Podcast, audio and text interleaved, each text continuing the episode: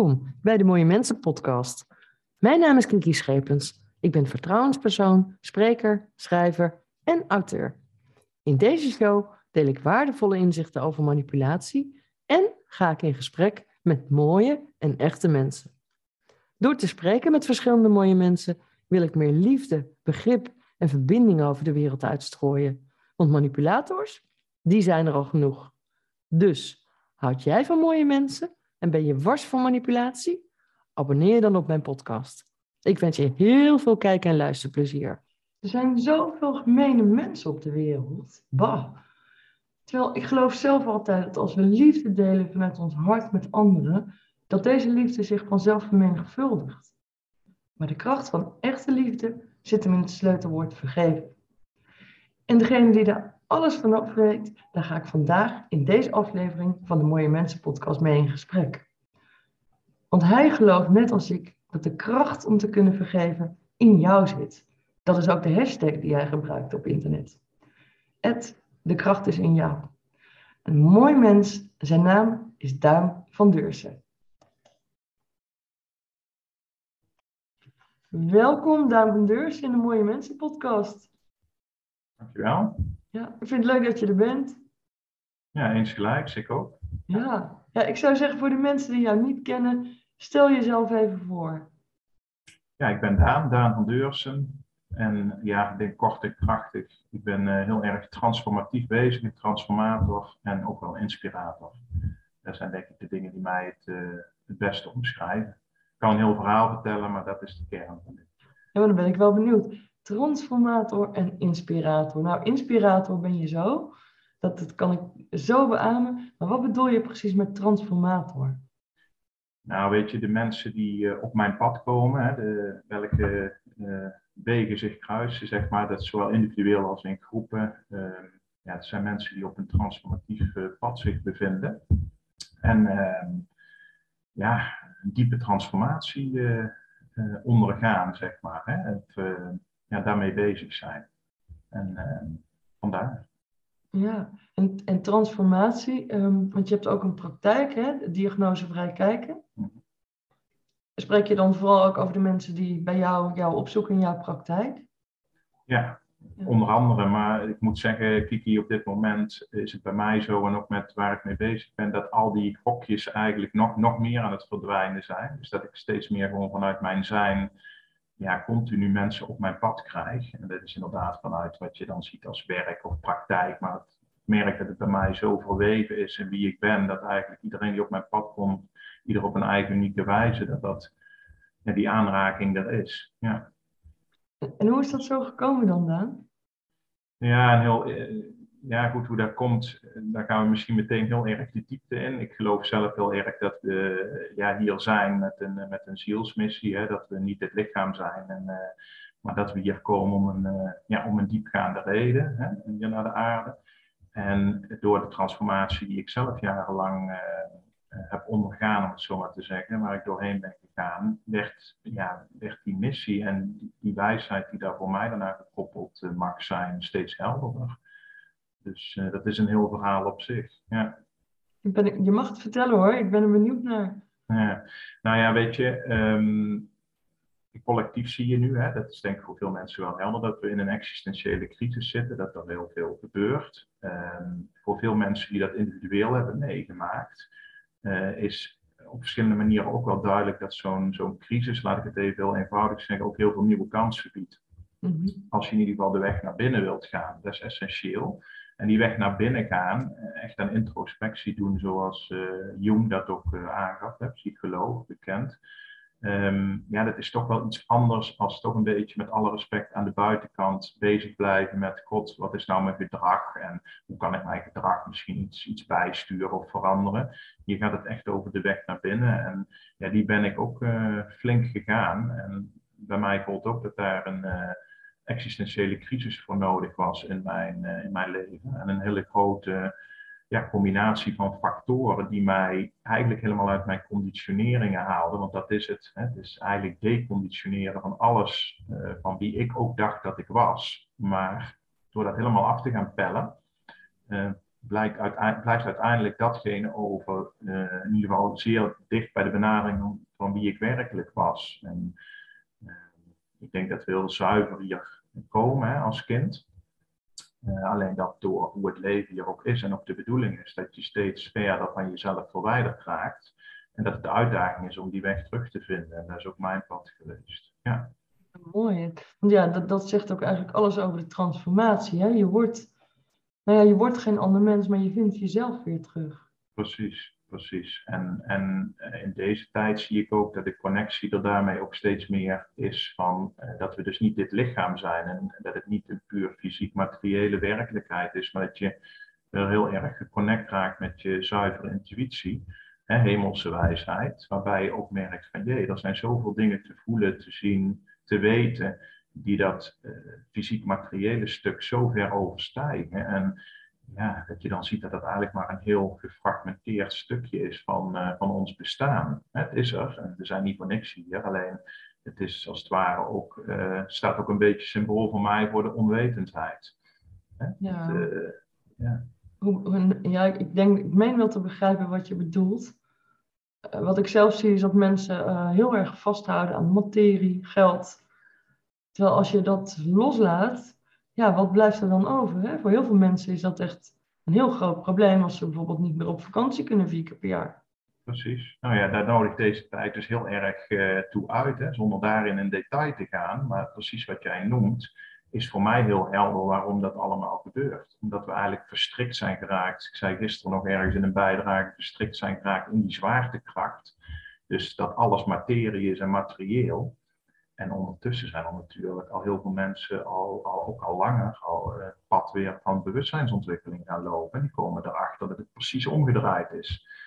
En dat is eigenlijk oude universele wijsheid die op allerlei allerlei manieren en verschillende volken altijd naar boven is willen komen. En ik geloof heel sterk en ik weet innerlijk dat deze tijd uh, gaat om dat te laten ontwaken massaal. Ja. Heeft ook heel en dat is transformatie. Ja. ja. Ja. maar ook met hebzucht. Ja, ja het, gaat nooit bewust, denk ik. Hè? Ik bedoel, iemand groeit ergens op en ik denk, iemand geeft altijd zijn beste en hoogste bod. Daar geloof ik heel erg in. Alleen uh, we zien heel veel dingen als zijnde van onszelf, maar het zijn gewoon pure conditioneringen vanuit onze omgeving, omdat wij naar buiten gericht zijn. Dus die materie, ons lichaam, laat ons ook naar buiten kijken. Ja. Maar wat zit er nou in dat lichaam? Ja, organen, is ook lichaam, is ook vlees en bloed, is ook materie. Maar er zit uh, in mijn optiek een onsterfelijk bewustzijn, een onsterfelijke ziel, die een heel andere ja, frequentie en een heel andere kennis en wijsheid in zich draagt. En transformatie gaat er, echt diepe transformaties in ieder geval gaan er over om daar weer het contact mee te krijgen. En dat is mijn weg geweest en dat is eigenlijk ook de weg van de mensen die bij mij op het pad komen. Ja. Als dat gebeurt, dan krijg je daar ook echt zoveel innerlijke rijkdom voor terug. Klopt. Het is wel een hachelijk avontuur, zeg ik altijd. Want het gaat wel door een hoop ehm, nou ja, heel plat gezegd, door een hoop shit heen en door een hoop onverwerkte emoties en trauma's. Ja. Nou ja, ik geloof ook inderdaad, je moet eerst door de pijn heen die je voelt, hè, of trauma's die je hebt meegemaakt, precies. om daadwerkelijk verder te kunnen. Precies. Nou, ik vind een mooie uitspraak van Gabor is the wisdom of trauma, noemt hij het. Hè, de wijsheid die eigenlijk in het trauma besloten ligt, of niet eigenlijk, die ligt erin. En ja, goed, je hebt talloze uh, ja, eigenlijk overeenkomsten die je ook in de natuur ziet, die met licht en donker te maken hebben. Hè? Dat je, wij willen niet naar dat donker toe, om het dan maar zo even te zien. Mhm. Eh, terwijl dat daar juist een schat aan, aan mogelijkheden ligt. Hè? Dat is ook die crisis, door die crisis heen. En dat heeft te maken met uiteindelijk die volledige acceptatie en overgave, die wij hier als geconditioneerd fysiek materieel uh, breinmens, zeg maar, mhm. ja, eh, die willen helemaal niks te maken hebben met volledige acceptaties of, of overgave. Die wil alles onder controle, wil je alles onder controle houden. Dus het is precies zeg maar het tegenovergestelde. En uh, ja, wie niet horen wil, zal voelen, alleen dan niet fysiek. Uh, vaak is het als je dus niet meer luistert en bent afgesloten van je eigen, ja, je eigen kern, uh, dat je steeds meer ja, zult, ja, tegen, tegenwerking zult gaan ervaren, als het ware. En daar zijn polariteiten. Dat is ook gewoon in de natuurkunde zo. Totdat dat het zich opheft. Voor de mensen voor wie dat, dat in dit leven de bedoeling is. Hè? Want dat is natuurlijk niet voor iedereen zo. Hè? We komen allemaal met een unieke ervaring. Ja, ja, ja wat? Ik geloof zelf ook echt als je, ja, als je door zo'n transformatie heen gaat, dat je ook echt vanuit liefde kunt leven. Naar jezelf, maar ook naar anderen toe. Klopt. Ja, uiteindelijk gaat het daarover, Kiki. Het is pad van onvoorwaardelijkheid. En dat wordt heel makkelijk gebruikt. En ook die onvoorwaardelijke liefde heeft vele, vele lagen. Ik weet nog wel dat ik dacht, oh, nou heb ik het gevoeld, nou ben ik er. En elke keer uh, werd ik opnieuw als het ware uitgedaagd en getest om daar nog dieper in, uh, ja, in, in, te kunnen komen eigenlijk. Want elke keer kwam er wel weer een stukje uh, wat toch weer correleerde aan bijvoorbeeld zelfafwijzing. En zolang wij nog stukken in onszelf niet willen zien of afwijzen, ja, dan kunnen we ook nog niet onvoorwaardelijk lief hebben naar een ander. En vaak zie je dat mensen dat heel erg proberen in de buitenwereld met de beste intenties vaak is het dan ook nog zo dat er eigenlijk de ego-behoefte van aandacht uh, achter zit, die ook gewoon menselijk is. Hè. Het is geen oordeel, want bin there, done that, zeg ik altijd. Maar uh, het is allemaal ervaring. Uh, maar die echte onvoorwaardelijke liefde wordt ook wel eens omschreven als tough love. En dat is het ook. Want dan je neutraliseert in mijn optiek steeds meer, waardoor die hele romantiek, die zoals veel mensen nog liefde zien, ja, die heeft daar niks mee te maken. Het is echt verwachtingsloze liefde nou, kan je vertellen dat dat een hele, een hele uitdaging is. Ja, maar dat is... Voor heel veel mensen zeker. Ja, ja, ja, ja natuurlijk. Ja, ja maar, maar wat, wat doe je dan als iemand bij jou komt? Hè? Of, of ja, ik, ik, nou ja, vertel. Nou ja, ik omschrijf mezelf wel eens als. Uh, kijk, het is een combinatie, want ik doe dat uh, zonder plan. Uh, maar daardoor is er juist een heel groot plan, wat alleen maar klopt in, in, ja, in, in dat samen zijn en in die wisselwerking. Want alles is een wisselwerking. Dus als, je mezelf, als ik mezelf zie als coach, is er altijd een wisselwerking met degene die dan bij mij komt en in dit geval langs mij loopt. Want ik ga altijd de natuur in, individueel. Um, en dan ben ik enerzijds kan ik confronterend zijn, hè? dus die grote confronterende spiegel, die uiteindelijk ook liefde is. Want je wil uh, iemand aanraken of je mag iemand aanraken. En tegelijkertijd is er de combinatie, zou je kunnen zeggen, van heel veel innerlijk begrip en dat is de herkenning. En dat is ook een spiegel. Mhm. Dus iemand kan in de spiegel kijken en heel erg, dat heel erg pijn doet, omdat je geconfronteerd wordt met die schaduwzijde die je niet wilt zien. Dus dat is een rol die ik heb. Maar tegelijkertijd kijkt hij ook in die spiegel van onvoorwaardelijke liefde, die, die um, de kern van diegene ook kan zien. Want dat is wel wat ik ja, ja, wat, wat gebeurt. Ik zie vrij makkelijk de kern en de essentie bij iemand. En uh, dus de kern, uh, en mogelijkheden. En is dat ook de, waarom heb je dan, is dat ook de reden dat je de naam diagnosevrij kijken hebt gekozen, bewust? Ja, nou, die, dus, ja, zeker heel bewust. Omdat ik in dat tijd ook uh, nog steeds wel eens heel erg betrokken raakte bij hele mooie, begaafde, hoogbegaafde, sensitieve kinderen. Maar juist kinderen die allemaal uit het het systeem en het onderwijssysteem worden geknikkerd. Er zijn er ontzettend wat in dit land. Um, maar ik zag daarin zo'n grote wijsheid, zo'n grote zielswijsheid. Um, uh, dat ik, en, maar die werden vaak het bos ingestuurd, ook met alle beste bedoelingen overigens hoor. Want dat is dus weer dat systeem. Want ja, dan is er iets mis en dan ga je diagnosticeren. En dan is iemand ziek en dan hebben ze autisme heel vaak of ADHD. Uh, een combinatie van die dingen. Dat is uh, ontzettend vaak grote onzin. Om het maar gewoon even recht eh, door zee te zeggen. Want er werd dan gediagnosticeerd aan het eind van de rit uh, op de symptomen, dus op het gedrag, mhm. zonder dat er echt daadwerkelijk naar, uh, ja, naar een oorzaak werd gekeken. En uh, ja, dat, dat mocht ik dan wel doen, samen met het gezin, samen met ouders. ja. Dus, ja, maar het is ook, ik vind het zelf heel erg, want Kijk, tegenwoordig is er gelukkig steeds meer aandacht voor hoogbegaafdheid en hoogsensitiviteit, hè? Ja. waardoor kinderen inderdaad vastlopen. Maar de pijn uh, die die kinderen, maar ook die ouders doorleven, als je niet begrepen wordt, dat is zo. Ja, dat is een flink pad. Ja. Heftig. Ja. Nou ja, goed, er zijn verschillende kinderen die, uh, waar het zo heftig bij was, waar ik dan uh, betrokken raakte. Dat je een totale discrepantie in het sociaal-emotionele en het intellect zak. Dus echt dat ze volledig uh, in de overlevingsmodus terecht waren gekomen. Kijk, en dat is eigenlijk de kern om het te kunnen zien. Als jij dat ziet als een eh, beperking van, nou, dan heb je dus autisme. Ja, goed, als je iemand met het emotioneel niveau van een peuter dan kom je er wel uit met, met de sporenlijst met autisme. Alleen als de basis uh, een traumarespons is, wat niet alleen bij deze begaafde kinderen, maar in mijn optiek zit de hele GGZ. En ik heb heel lang in de hulpverlening gewerkt, ook bij grote organisaties zit daar vol mee. En daar komt steeds meer aandacht voor. Dat het eigenlijk gaat om onverwerkt trauma, mhm. waardoor iemand een bepaalde respons en gedragspatronen ontwikkelt. En op het moment dat je die oorzaak kunt gaan transformeren, kunt gaan helen, en ik geloof zeer sterk in onze enorme kracht en zelfhelend vermogen, ja, dan kom je, dan kom je heel anders uit. En, uh, ja, dan, uh, nou had je het net over kinderen, maar uh, dit, dit, bestaat ook bij volwassenen die hoogsensitief of hoogbegaafd zijn. Ja, zeker, zeker. Ja. ja. dat is wat ik zei, alle individuele mensen die op mijn pad komen, dat zijn allemaal hartstikke mooie, mooie mensen. En, ja, met, met een hele hoop mogelijkheden en, en gevoeligheden. Dus ja. ja. En, en ja, ik lees natuurlijk ook vaak jouw postings. Um, de kracht is in jou, dat is jouw hashtag. Maar daar zit nog veel meer achter. Vertel daar eens over, Daan. Dat ja, dat is mooi. Onlangs wel, of dat is op dit moment eigenlijk uh, flink, uh, flink ontploft, in de goede zin van het woord dan. Um, de kracht is in jou, uh, staat voor mij voor de innerlijke weg. En wat ik net zei, van de enorme innerlijke kracht die wij allemaal bezitten maar waar we vaak helemaal geen eh, connectie meer mee kunnen maken. En dat is dat deconditioneren en transformeren, even kort samengevat.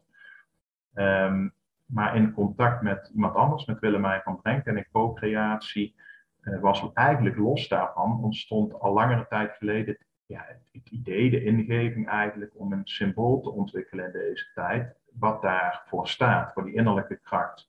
En dan werd het symbool, wat ik, weet niet of het te zien is, wat ik hier ook op heb, um, een, een dus innerlijke vrede. En de vleugels in een V voor uh, innerlijke vrijheid, die ook weer uitwisselbaar zijn. Dat is voor mij eigenlijk de innerlijke kracht. Als je daar mag zijn, hoef je het ook niet meer te zoeken in de buitenwereld. Wauw, ja, ik uit... niet. Maar ik, uh, ik, ik zou het wel leuk vinden als je me straks toestuurt, want dan kan ik hem wel bij de postings plaatsen of achter deze opname. Ja, dat is prima. Ja. ja. Heel mooi. En dat bleek dus uiteindelijk met elkaar te maken te hebben, want dat wist ik aanvankelijk ook niet, want dat is echt co-creëren, is dat ik het steeds opnieuw loslaat en het eigenlijk laat ontstaan. Uh, dat ik dan vanuit mijn intuïtie op een gegeven moment bleek dat het verbonden was. En dat hebben we zo uh, neergezet, een week of drie geleden. En uh, ja, dat is ontzettend mooi ontvangen. Dus we hebben 500 stuks laten maken en die waren binnen 20 dagen geloof ik, of 18 dagen waren die allemaal weg. En, en uh, er staat een hele waslijst van mensen die zich eraan willen verbinden, want daar gaat het om. Hè. Het is de innerlijke kracht ook van verbinding. Dus niet omdat we samen een, een, clubje zijn, maar de energie die erachter zit en door het te dragen, de kracht van het symbool. Um, ja, dus hartstikke mooi. Ja, ik denk dat het heel, uh, heel groot mag worden. Groot vanuit nederigheid. Hè, dat, uh, ja, ja, ja, als jij dat zegt, dan, dan is dat zo. Ja, precies. Ja, maar dat is ook echt de kracht van verbinding.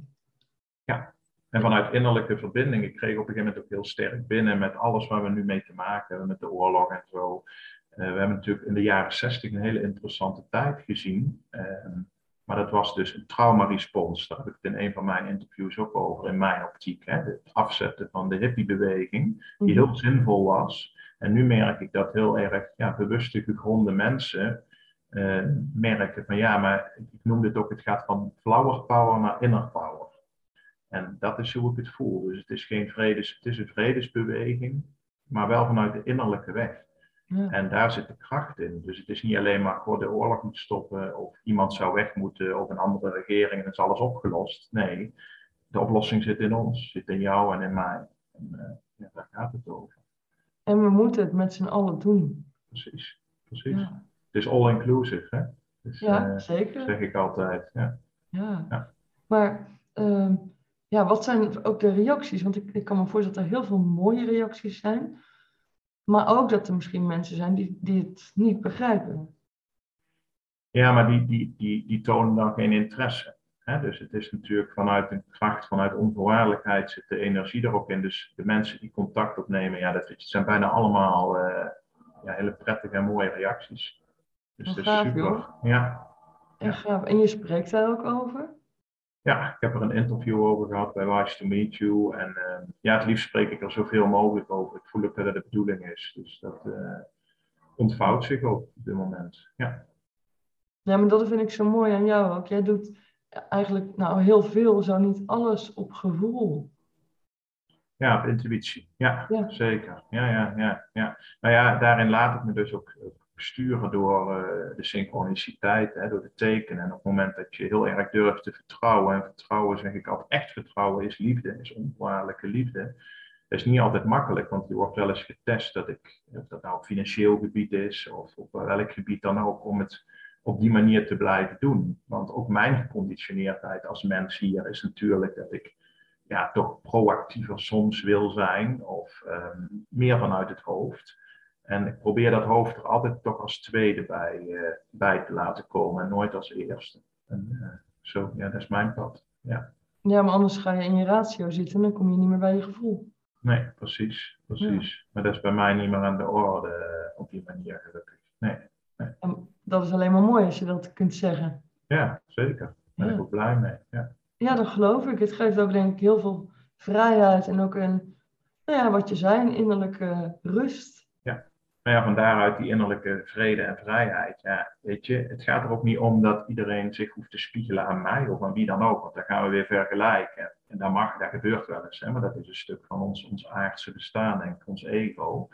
Iedereen heeft een eigen uniek pad. Als het resoneert, ook al denk je, ja, ik heb helemaal nog niet zoveel innerlijke vrede en vrijheid, dan resoneert het en dan is dit ook weer een stap daarin. dus dat wil ik dan wel even aangeven. Dus uh, er is geen doel je kunt alleen maar voor jezelf voelen. Maar hoe? Want je zegt ego, hè? Um, ja, als je het hebt over ego's, ja, wat is dan eigenlijk de definitie van een ego? Want het, je ziet het ook niet altijd aan de buitenkant. Nee, ik denk van we hebben allemaal een ego en dat houden we ook. Hè. Dat moet hier ook op, op aarde. Want anders zou ik ook, eh, als er gevaar zou dreigen, bijvoorbeeld of iemand zou maar iets aan willen doen, stel je daarvoor je loopt op straat, dan zou je ook geen reactie hebben. Want dan zou je puur alleen maar in onvoorwaardelijkheid zijn. Mm-hmm. Alleen dan is het ego helpend. Hetzelfde als met de ratio. Maar heel veel mensen hebben ook last van een gekwetst ego. En dat heeft te maken met wat we hebben meegemaakt, met de trauma's. En eigenlijk is dat heel eenvoudig in mijn optiek op het moment dat jij geraakt wordt, getriggerd wordt en je wil eigenlijk een respons naar buiten geven door ja, je met een vinger te gaan wijzen, de schuld te geven. Uh, en dat gebeurt dus niet vanuit neutraliteit. Dan heb je naar jezelf te kijken. En dat is de, ja, de mooie deur naar die zelfheling en die transformatie. Dus ik denk, uh, het gaat om het eigenlijk hele van ons gekwetste ego. Dat kan via innerlijk kindwerk, denk ik met name. Dus naar het innerlijk gekwetste kind gaan kijken, wat zo reageert ja. wat gezien wil worden. Ja. ja, maar dat is ook, je ziet ook dat zoveel mensen een ander gewoon echt pijn doen. Hè? En ik vraag me wel eens af van, ja, waarom? Waar is dat nou goed voor? Waar is dat nodig voor? Maar dat, dat komt dus ook voort vaak uit een innerlijk gekwetst kind, een gekwetste ziel. Zeker. Ja. ja. ja. ja. En, en, hoe doe je dat dan, Daan? Ook als je mensen begeleidt die, die die echt op zoek zijn naar dat innerlijke kind? Ja, door dat dus aan te raken, wat ik net zei, het daar ook over te hebben. Soms een stukje uitleg ook prettig. Um, maar ook terug te gaan naar de jeugd, hè, dus naar het opgroeiklimaat. Ouders, vader en moeder. En vaak ook nog transgenerationeel. Hè, kijken welke lijn er in de familie zit.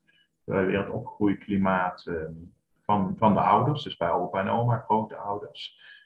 En deze mensen die vaak op mijn pad komen, hebben daar vaak al zelf wel op gevoeld en over nagedacht. En zijn daar ook wel meer of mindere mate mee bezig. Um, en dan ontdek je vaak dat je allerlei stukken gewoon hebt overgenomen. Ja, en dat is weer die geconditioneerdheid. Omdat je als kind kun je eigenlijk alleen maar leren van voorbeeldgedrag. Dus je neemt zeg maar heel mooi en, en, en goed gedrag van je ouders over, om het maar even zo te typeren, maar ook innerlijke wonden. Als ouders daar om wat voor reden dan ook zich niet van bewust zijn geweest of de keuze hebben gemaakt om daar niks aan te doen, wat ook mag, ja, dan neemt een kind, hoe sensitiever het kind is, hoe meer dat kind, ik neem altijd de metafoor van de spons, die zuigt eigenlijk al die emoties, onverwerkte emoties van, van ouders dan op en gaat zich daarmee identificeren. En dat is heel interessant, want dan gaan we denken, dat is onze persoonlijkheid, dat wij dat zijn. Maar ja, het, zijn, het zijn die identificaties met veel pijn in de transgenerationele lijn. Hm. Dat is hoe ik daarnaar kijk. En uh, hoe ik ook zie dat er heel uh, ja, mooie wonderen kunnen gebeuren als mensen dat, dat willen aankijken en willen gaan helen en doorvoelen. Ja. ja. Ja, nou, een van mijn motto's is altijd dat je alles los moet laten wat je verdrietig maakt. Maar niet iedereen begrijpt dat. Nee. Kun jij daar iets over zeggen? Want ik kan me voorstellen, met, hè, zeker als je met familieopstellingen te maken krijgt, uh, dat het ook verdraaid lastig is, omdat er altijd een bloedband is. Ja, zeker. Maar ik denk dat uh, ik zie ook, uh, je ziet in de psychologie ook nog steeds een categorisering van positieve en negatieve emoties. Dus in mijn optiek is dualiteit. Voor mij zijn er emoties. En als mens hebben we verdriet, kunnen we boos worden, gefrustreerd raken, jaloers zijn. we kunnen ook heel blij zijn en liefdevol zijn. Um, en ik denk dat door als wij uh, het meesterschap over onze emoties willen verkrijgen, dat we moeten beginnen met ze toe te laten. En daar zit vaak de allergrootste moeilijkheid. In het Westen zie je dat ook. Daarom zijn mensen helemaal gerationaliseerd. Ze huilen nooit meer. Uh, ze mogen ook niet meer boos zijn, want ze moeten een heel net mens zijn. En boos zijn is heel fout hè, in het Westen. Vooral hier in uh, Calvinistisch Nederland. Ja. En dan ontstaat er gewoon druk. Je onderdrukt dus een bepaald type emoties. En wat ik vaak leer is dat het er eerst allemaal moet mogen zijn. Dat is die onvoorwaardelijkheid in jezelf. En als je dan al kunt zorg dragen voor het feit dat je het, en we blijven mensen, ik ben ook wel eens boos en ook wel eens boos op mijn kinderen. En, uh, maar je snapt wel dat als het uit de gekrenktheid komt, is het een heel andere soort emotie. Ja. Uh, dat mensen proberen het in zichzelf te doorvoelen als ze alleen zijn. En dat is het volgende stuk. Mensen zijn nooit meer alleen. Dus hoe kun je dan uh, verantwoordelijkheid nemen voor jouw emoties?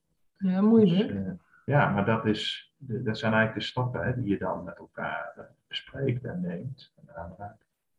Ja, maar ik geloof ook wel, uh, boos zijn is niet erg. Dat is juist goed, om alles op te kroppen. Maar boos blijven, ja, dat is een ander ding. Ja. ja.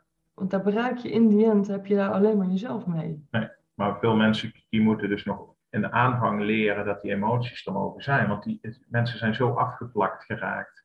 Uh, en dat was bij mij ook zo. Ik had jarenlang niet meer gehad. Ik, was een, ik noem het altijd een wandelend hoofd. Hmm. Dus letterlijk hier afgesloten. En, uh, en dan zoeken mensen op allerlei manieren om te camoufleren. En dat gaat automatisch onbewust. En dat is van roken tot drinken, tot seksverslaving, tot, tot heel de dag voor de tv of op de telefoon. Je kunt zoveel doen om jezelf te ver, verdoven en eigenlijk te misleiden. En nogmaals, het is geen oordeel, maar dat is wat er gebeurt. Dan zeggen mensen, ja, daar heb ik allemaal helemaal geen last van. Nee, als je heel de dag bezig blijft. Maar op een gegeven moment gaat dat, komt er dus een moment van zo'n crisis dat het steeds moeilijker wordt. De mensen vallen uit op hun werk, worden overspannen, raken burn-out. Ja, en dat is een nieuwe kans. Ja. ja. Dat is nodig. Dus ehm, als ik nou in mijn functie van vertrouwenspersoon iemand tegenkom waarvan ik vermoed van nou die loopt echt tegen bepaalde dingen aan, dan zou ik hem of haar ook naar jou door kunnen verwijzen om iemand te begeleiden in dat stukje traumaverwerking. Zou kunnen, alleen ik, ehm, ik ben heel eerlijk, ik uh, heb altijd even van tevoren contact, omdat ik mezelf nu zo goed ken, om even te kijken van, uh, even simpel gezegd, klikt het of ben ik niet te veel? Mm want ieder, ik geloof dat iemand altijd zelf bij iemand op het pad komt, uh, daar waar het de bedoeling is, maar toch check ik dat wel altijd even, omdat ik ja, best wel een grote spiegel ben en best, bij mij komen mensen die echt de diepte ingaan en dat moet dan wel een ja, moet dan wel overeenstemming in zijn. Dus dat vind ik heel belangrijk, want anders begin je en dan ben ik misschien veel te diepgaand of confronterend of raak ik veel te veel aan en dan past iemand op dat moment nog beter bij iemand anders. Nou, vind ik mooi dat je dat zegt. Ja. Want wat ik zelf ook altijd zeg, als je een hulpverlener zoekt of een coach, kijk ook vooral of die persoon als mens bij jou past. Zeker is het allerbelangrijkste, dan kan het alleen maar werken. Er is geen andere manier in mijn optiek. Want dan wordt het een kunstje en dan ga je weer in je hoofd zitten. En dan, ja, dan kom je van de regen in de druk. Ja. En uiteindelijk uh, is iemand daar niet mee geholpen en kun je ook iemand niet echt helpen. Nee, nee dus vertrouw je eigen gevoel daarin, je eigen intuïtie. Komt, komt het dan weer op neer. En kun je iets vertellen ook over jezelf? Want zoals ik jou ken, is gewoon ja, een heel open, warm, liefdevol mens. Maar dat is dus ook wel eens heel anders geweest. Zeker, ja, ja. ja. Ik heb Wil je daar iets over kwijt? Ja, nou ja, wat ik al in algemene zin zei. Hè. Ik kwam in een existentiële crisis terecht. Eigenlijk was de aanleiding daarvoor, want het is een heel verhaal natuurlijk, de geboorte van onze oudste dochter, Roos. Uh, in combinatie met een hele fikse reorganisatie op mijn werk. En dat haalde zeg maar al mijn zekerheden, zogenaamde zekerheden, schijnveiligheid, achteraf gezien, maar dat wist ik natuurlijk toen ook niet, haalde dat rigoureus onderuit. Um, en bij Roos was het zo dat ze niet sliep. En dat bleef duren. Het heeft in totaal 2,5 jaar non-stop geduurd. Zeven dagen per week. Uh, continu wakker. Ja, dan, dan wordt de basis in, jou, in jouw zijn wordt zo onderuit gehaald. En tegelijkertijd was mijn fulltime baan. En ik was teamleider, coördinator van een team ambulant hulpverleners. Mm -hmm. die reorganisatie, dat ging ook. Uh, we hebben het wel eens eerder over narcistische patronen en zo gehad. Nou ja, goed, uh, dat was heel duidelijk dat daar zonder enige invoelendheid werden gewoon overal strepen doorheen gezet. Dus het was ook zo ontzettend veel bij elkaar. Maar ik had dat dus achteraf gezien allemaal nodig. Want mijn patronen waren zo krachtig eigenlijk ook. In de boel onder controle houden. Ik was heel sterk, letterlijk en figuurlijk. Dus mijn patronen waren om het te verzetten en om oplossingen te zoeken buiten mezelf. En kijk, ik ben met Roos overal naartoe geweest. Maar het echt naar mezelf kijken, ja, daar moest ik echt toe gedwongen worden. En daar zat achteraf die schat van, maar dat, dat heeft een heel pad. Dus ik ben uiteindelijk volledig in de ziektewet uh, beland, overspannen geraakt. Nou ja, en daarachter bevindt zich nog van alles. Maar het is een heel, uh, ja, heel diepgaand proces geweest. Ja, ja. ja geloof ik. Maar ook als ouder, als je kind bijna niet slaapt, dat, dat sloopt je, je voelt je Alleen dat al. Ja, maar, en ik had dus moest dus ook nog naar een plek toe die ik ook niet meer herkende.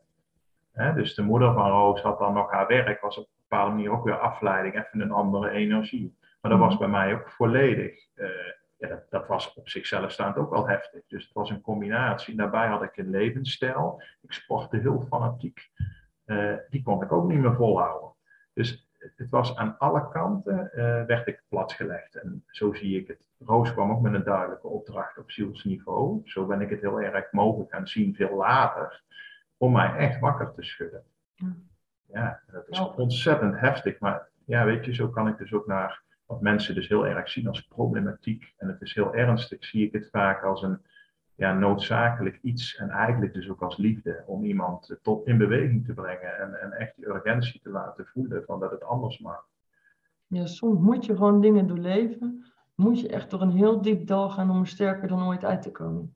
Nou ja, we zien het nu in mijn optiek in de samenleving, in het collectief. Dat moet echt gebeuren, want anders dan gaan die oude systemen zich niet, uh, ja, laten ze zich niet uh, transformeren. Ja. Ik vind het wel. Trouwens, daar kom ik zo op. Maar hoe gaat het nu met Roos? Ja, heel goed. Het is een hele sensitieve meid, ontzettend uh, bewust. Uh, en dat geeft ook altijd uitdagingen in deze wereld. Hè? Dat, dat weet jij ook. Dus dat blijft. Uh, maar ik bedoel, ze, zit, ze zit goed in haar vel. Het gaat goed met haar. Ja. ja. Oh, gelukkig. Ja. ze is alweer ruim acht. Dus ja. Ja, maar het is zo, sowieso als het met je kinderen niet goed gaat, dat, dat vreet aan je zijn de grootste spiegels. Hè? Dus ook in mijn transformatie keek ik hoe klein ze ook waren. Op een gegeven moment, nou ja, wat, wat zie ik terug in de reactie van mijn kinderen? Wat vertelt dat over mij? Ja. Nou, dat vind ik zelf ook met kinderen. Ze zijn zo puur.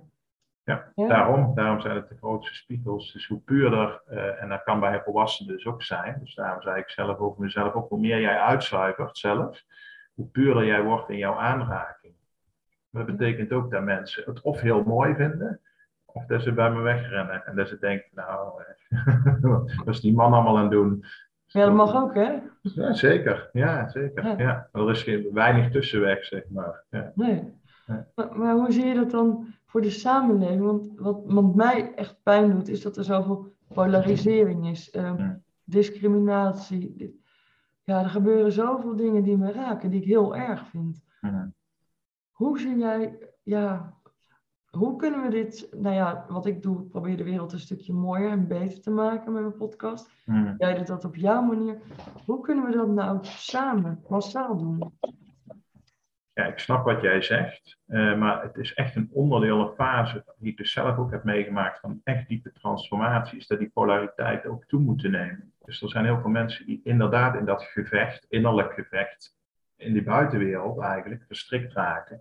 En zeggen we moeten nog meer. En van welke kant ook, dat maakt even niet uit. Hè. Ehm, en ik voorzie ook dat dat nog erger zal worden, want dat is die crisis, dat is ook die chaos, totdat het zich uiteindelijk opheft. Maar tegelijkertijd zie ik mezelf en zie ik ook veel andere mensen die bezig zijn met echt een perspectief creëren. Mhm. Hè? Want, uh, en ook het voorbeeld zijn, want een goed voorbeeld doet volgen. Nou, dat hoor ik jou ook zeggen. En dan ben je een inspiratiebron.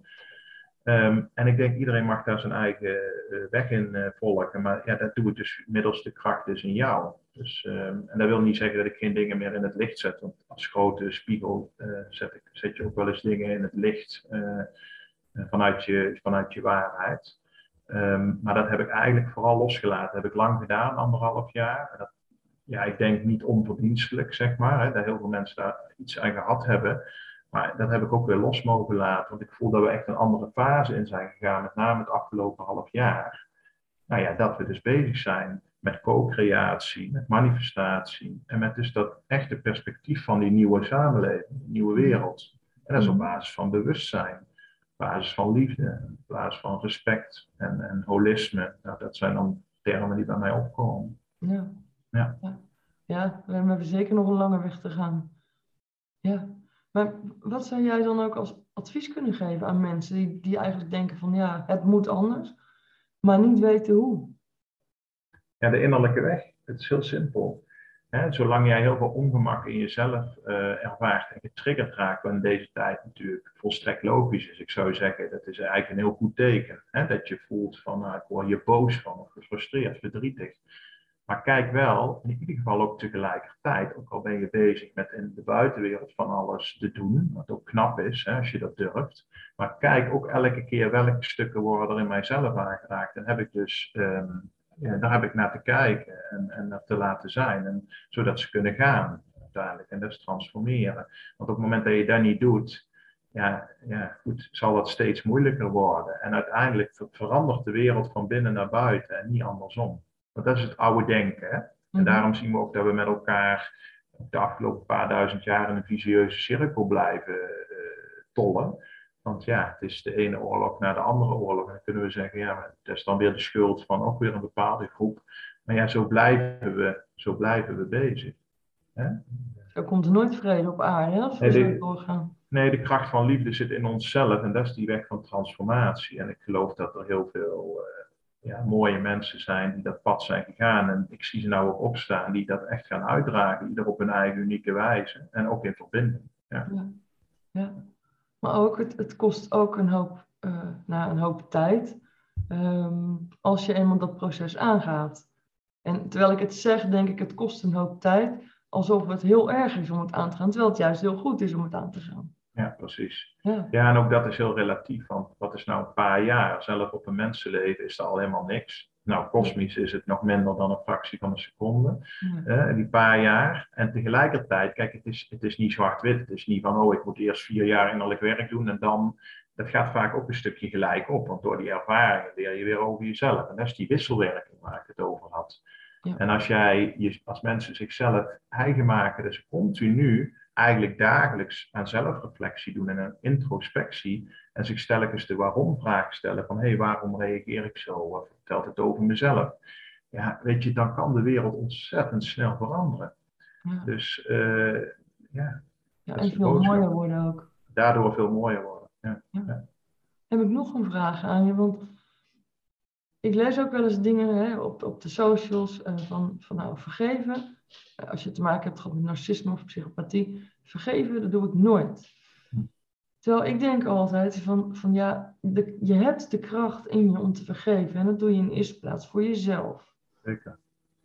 Maar heel veel mensen die, die ja, kijken of ze daar niet aan willen. Kun jij daar iets meer over vertellen? Ja, zeker. Ja, het, stukje narcisme, codependency, daar weet jij ook, is, is mijn pad ook gekruist en kruist mijn pad ook nog steeds. Ehm, als we het dan hebben over heel diep trauma, zie je dat daar ook heel vaak terug. traumabinding, uh, relatieverslaving, nou die dingen. Ehm, ik ben het helemaal met jou eens. De kracht is in jou als je uh, al zo ver bent dat je je uit zo'n relatie hebt weten te ontworstelen. Dat je grenzen hebt aangegeven, dat je voor jezelf hebt gekozen, is dat natuurlijk ontzettend bewonderenswaardig. Alleen uiteindelijk kom je dan aan het stuk, en daar heb jij het over, van die echte transformatie zit dus in jou.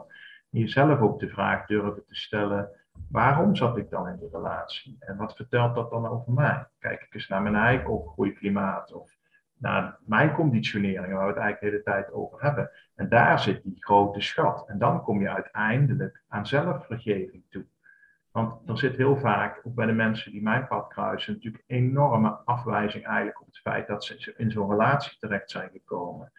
Uh, en dat is logisch. Uh, en op het moment dat je dat voor jezelf kunt gaan accepteren, stap voor stap, en in die overgave kunt komen, uh, en dus ook gaat zien van, hé, hey, het was allemaal nodig. Misschien juist wel om contact te krijgen met die allerdiepste kracht. Want ja, dan, we hebben het de hele tijd over een existentiële crisis. Nou, zie je dan ook als een, als een crisis die in jouw leven moest er zijn, om misschien heel diep te komen. Uh, ik zie vaak hele wijze mensen die juist uit dat soort relaties komen.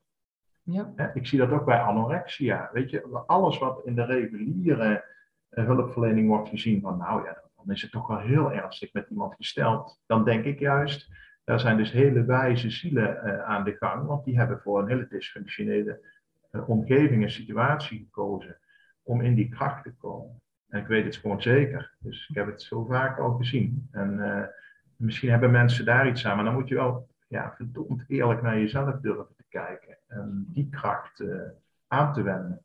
En dat is heel pijnlijk, hè? Voor heel veel mensen zeker. Ik moest ook heel eerlijk naar mezelf kijken, naar de patronen die ik had. En die bevonden zich dan niet zozeer op dat pad, maar op een andere manier. Ja. Waar ik me dus voor ging schamen eerst en schuldig over ging voelen. Ja, ja heel herkenbaar dat, dat merk ik zelf ook, ook met slachtoffers van narcisme en huiselijk geweld. Precies. Uh, ja. Dat je afvraagt van, nou, hoe heb ik het kunnen laten gebeuren?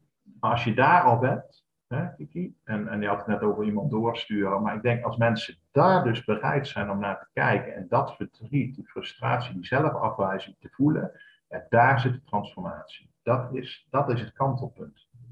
Wauw. Ja. ja. Nou, ik vind het heel waardevol dat je dat zegt en deelt. Ja, maar, maar dat is een vrije keus. Hè? Ik bedoel, eh, als het niet de tijd is, moet je het ook vooral niet doen. Nee. Maar, maar weet wel dat je ervan weg blijft rennen, juist omdat het zo'n, ja, omdat er zoveel moed ook voor nodig is. Het is ook spirituele moed. Hè? Het, uh, ja. Maar uiteindelijk geloof ik, als je daarvan wegrent, dan uh, gebeurt het je, uh, is de kans heel groot dat het je nog meerdere keren gebeurt. Zeker. En je rent weg van jezelf. Ja, ja. En dan kun je er maar, maar ook dat mag. ook dat mag, hè? Ja. Ook dat mag, ja. zeker. Zeker. Maar ook ja, als je wegrent voor dingen, ik geloof dat dat nooit goed is. En dan blijf je dus boos. Ik zie dat op sociale media ook wel eens. Er wordt nogal wat over narcisme en zo gepost. En dan zie ik, het zijn vaak dan vrouwen, zonder te generaliseren, maar en zo logisch, maar die blijven heel erg zitten op de narcist en de, ja, ik, ik denk dan, god, als je daar zoveel tijd en energie, en is dat dan, word je daar dan, uh, ja, word je daar dan gelukkiger van inderdaad? Ga je je daar dan beter van voelen? Ik denk wel dat het in de fase heel nuttig kan zijn en ook goed om te externaliseren en even die boosheid eruit. Als je maar bewust bent van, ja, maar ik ben nou wel continu met de ander bezig. Dan ben je dus nog gevangen en zit dat lijntje van, van die relatie, is er in wezen nog, hè? vergeet dat niet. Ja. ja. Ja. Nou ja, wat ik me ook wel eens afvraag, mensen die heel veel posten over de narcist of alleen maar daarover. Um, soms krijg ik wel eens het gevoel, en vraag me niet waarop ik dat baseer, maar dat ik me afvraag van, ja, maar wie is hier nou eigenlijk, ja, de narcist klinkt ook zo, want ja. die narcist bestaat voor mij niet. Nee. Nee, nee, maar het is een spiegeling in nog problematiek die er is. En daar is niks mis mee. Hè? En trauma wat er is, denk ik. En uh, toen ik nog heel veel op een andere wijze externaliseerde met mijn vinger wees, ja, zei dat natuurlijk iets over mij. Want bin there, done that. Ook die fases heb ik eerder in mijn leven natuurlijk gehad. En niks menselijks is ons vreemd natuurlijk. Dus, uh, nee, dat klopt. Ja. Maar ook het, uh, de wijze waarop mensen soms, ja, ik noem het al bazaal reageren hè, op social media. Dat je denkt van je maakt iemand uit voor rotte vis, terwijl je de persoon of de situatie niet eens kent. En ik lees ook wel eens dingen en ik denk van nou hier kan ik me niet in vinden, maar ik voel dan niet de behoefte om iemand ja, helemaal met mijn woorden uh, af te branden. Waarom zou je? Ja. ja, maar dan is het dus juist die, eh, die kans van die innerlijke trigger. Maar ja, dan hebben mensen het nodig dat ze naar zichzelf gaan kijken. Ja. ja. En als jij zelf dat soort reacties leest uh, op de socials, reageer je dan of juist niet? Of... Nee, eigenlijk niet of nauwelijks. Nee, ik kom ook nooit in een discussie, want een discussie is voor mij een ego-gebeuren. Uh, ja, het heeft geen zin, want voor bij voorbaat is het al duidelijk. Er is geen dialoog. Nee. Uh, iedereen houdt zijn eigen wa uh, waarheid. En je ziet wel eens talloze berichten op en neer gaan. Ja, of je dan nou vijf stuurt of tien, de uiteindelijke nette resultaat is dat iedereen bij zijn eigen waarheid is gebleven. In de politiek zie je hetzelfde. Het is toch een vertoning van heb ik jou daar. Het is een, één grote ego-vertoning. En ja, dat krijgen mensen langzaamaan door. Want ja, ik wil een dialoog. En ook al heeft iemand een hele andere mening, een andere visie, als je bij jezelf kunt blijven, kun je die uitwisselen. En, en kun je kijken wat je eventueel van elkaar te leren hebt. Ja. dat, dat is uh, in die polarisering, uh, er is weinig sprake meer van. Ja. Vreselijk. Ja. ja. Maar ik, ik vind dat ook, want er zijn ook wel goede mensen die in de politiek zitten. Hè, zo is het ook niet, maar uh, hoe, hoe mensen met elkaar omgaan, dan denk ik van jongens, hebben we dan in al die jaren nog niets geleerd van de moorden op Pim Fortuyn, op die van Theo van Gogh. Dat doet mij echt pijn. Ja. Ja, ja ik zie het meer, ik, ik kan er vrij neutraal naar kijken, omdat ik het echt zie als een systeemprobleem, een heel groot systeemprobleem. En daar is het ook in nodig. Blaast zichzelf op. Dat heb ik altijd voorspeld. En, uh, het gaat niet om mij, maar ik, uh, ik zie alleen maar meer uh, tekenen dat ik daarin toch wellicht, wat we dan zien als gelijk ga krijgen. Ik denk echt, het gaat niet vanuit meer vanuit het eigen systeem komen. Nee. Ik zie dat het hele systeem, en het politiek is daar een groot voorbeeld van, zal in mijn optiek helemaal omgaan en helemaal van de grond af aan eigenlijk opnieuw geboren mogen worden, opnieuw opgebouwd worden. Ja. En waar zie je dat dan, dan? Nou, ik vind het echt, als ik met mijn, uh, of met, ja, het is lastig, hè, want uh, in die zin is het niet lastig. Als je vanuit een ander bewustzijn daarnaar kijkt, ja, dan zie je eigenlijk een karikatuur. Of eigenlijk, van de week zei iemand eigenlijk nog erger, want de karikatuur, daar kun je nog om lachen. Mm Maar dat, dat het zo, ja, zo bazaal is. Dat het, en dat zijn dan de volksvertegenwoordigers voor het overgrote deel. Iedereen laat zich verlokken en het is hart tegen hart. het zijn kunstjes, het is alleen maar hoofd. Het is, ja, het is wel heel armoe, heel veel armoe. Ja, ja dat, dat is het goede woord. Ja. ja. Maar dat is dus nodig, hè? Want, want in het ontwaken van mensen, het bewust worden, gaan natuurlijk steeds meer mensen zien, maar wat, wat is dit? En, en hoe zit dat dan allemaal in elkaar? Hoe komt dat dan? En, uh, ja. er moet echt essentieel iets gaan veranderen, want anders krijgen we nooit juist die verbinding die we willen op deze wereld. Nee, maar ik denk, of ik weet zeker eigenlijk, Kiki, al die mensen, ik zeg ook altijd, de nieuwe leiders komen vanuit het onzichtbare. Zoals wij dan het onzichtbare zien. En er zijn niet de mensen die nu de posities hebben en dus de, de status hebben of de titels ik geloof dat er heel veel bewuste mooie mensen klaarstaan vanuit een heel ander soort leiderschap. Vanuit zelfleiderschap, dus vanuit zelfkennis, ontstaat de echte leider op. En als jij jezelf helemaal ten diepste kent, ja, dan komt eigenlijk uit waar we het in dit gesprek ook heel veel over hebben. Dan heb je empathie, dan heb je inleving, dan heb je een bepaalde neutraliteit, dan heb je zelfreflectie. Nou, noem het allemaal maar op. Ja, dat hoort ook bij goed leiderschap, vind ik. Precies, ja, dat is de basis. Maar dat moest dus eerst allemaal anders gaan. Ja. Dan zitten we nu middenin. Ja, ja heel erg. Ja. Ja, ja. En um, we hadden het net over de socials dan. Um, als mensen met jou contact op willen nemen, of, uh, via welke weg kunnen ze dat het beste doen? Ja, ik ben actief op LinkedIn, dus daar kunnen ze connecten en een uh, berichtje sturen. Dat is het enigste waar ik actief op ben, want dan vind ik het uh, druk genoeg. Uh, of ze kunnen mijn website opzoeken. En als je mij googelt, Daan van Deurs, en ik heb verschillende interviews ook gedaan, dan komen eigenlijk alle gegevens naar boven. Dat is misschien nog eigenlijk wel het meest makkelijke, van mijn website tot meerdere interviews en podcasts. Dus, ja, en dan kunnen mensen ook zelf een keuze maken van wat ze over jou te weten willen komen, wat ze bekijken. Precies. Laat je ze ook echt helemaal vrij daarin. Ja, ja, en dan vind je mijn e-mailadres en nummer wel erg, dus uh, dat moet dan wel goed komen. Ja. Mooi. Ja. Mooi. En uh, ja, wat is eigenlijk jouw definitie van een mooi mens? Een mooi mens is voor mij iemand die echt is. En dat betekent met, je zou kunnen zeggen, als een licht en als een donker. Hè? Dus als een verdriet, boosheid, frustratie, maar die de moed heeft om daar volstrekt eerlijk naar te kijken en verantwoordelijkheid voor te nemen. En dan ben je echt dus streven naar zogenaamde perfectie. Je zou kunnen zeggen, je bent altijd volkomen, je bent altijd perfect, precies zoals je bent. Tegelijkertijd kun je dus zeggen, we zijn allemaal helemaal, helemaal mooi in onze imperfectie. Het is eigenlijk hetzelfde. En dat vind ik mooi. Maar verantwoordelijkheid nemen, eerlijk zijn daarover. Hm. Ja. ja. Ja, ik kan het niet in een korte zin samenvatten, maar ik vind het heel mooi zoals je het uitspreekt. En zoals je het zegt. Gelukkig. Ja. ja. Ja, ik zie ook daar dat we bijna ook aan, aan het eind van de opnametijd zitten.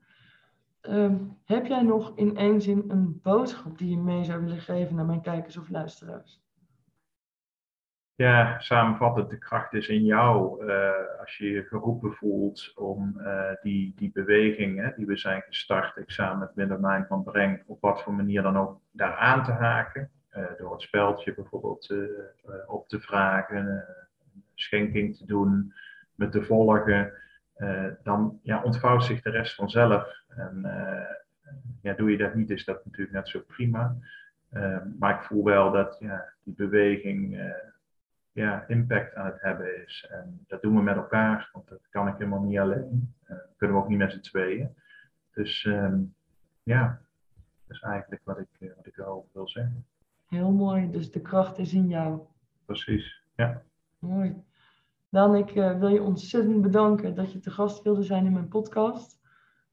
Ik, ja, ik vind dat je hele mooie, waardevolle en inspirerende inzichten hebt gedeeld. En blijf vooral zo doorgaan, want de kracht is in jou en in iedereen. Precies, dankjewel Kiki. En uh, ja, als mensen zich dat weer gaan beseffen, dan verandert de wereld. Dan verandert de wereld, oké. Okay. Dan, je bent een mooi mens. Tot de volgende keer. Insgelijks, dankjewel. Dankjewel, bye bye. Doei, doei. doei. Dankjewel voor het kijken of luisteren naar de Mooie Mensen podcast. De podcast vol met mooie mensen en echte verhalen. Wil je het als eerste weten wanneer een nieuwe aflevering online staat? Laat even weten wat je ervan vond en abonneer je op mijn podcast.